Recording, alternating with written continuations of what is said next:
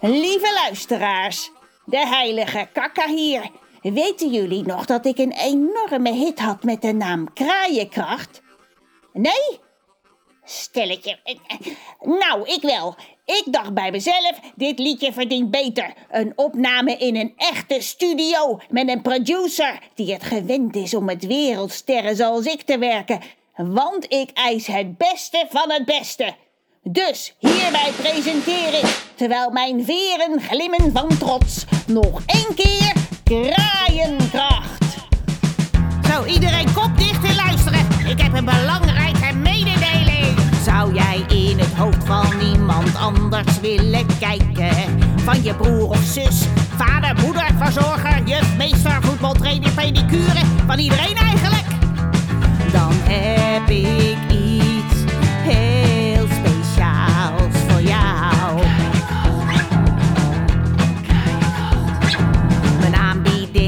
kost wel wat, maar je hebt er veel plezier van.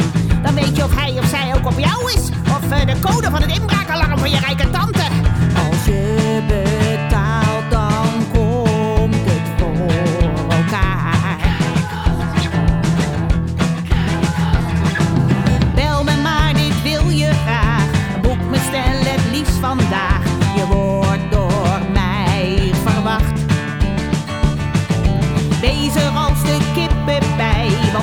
vogel maakt je blij.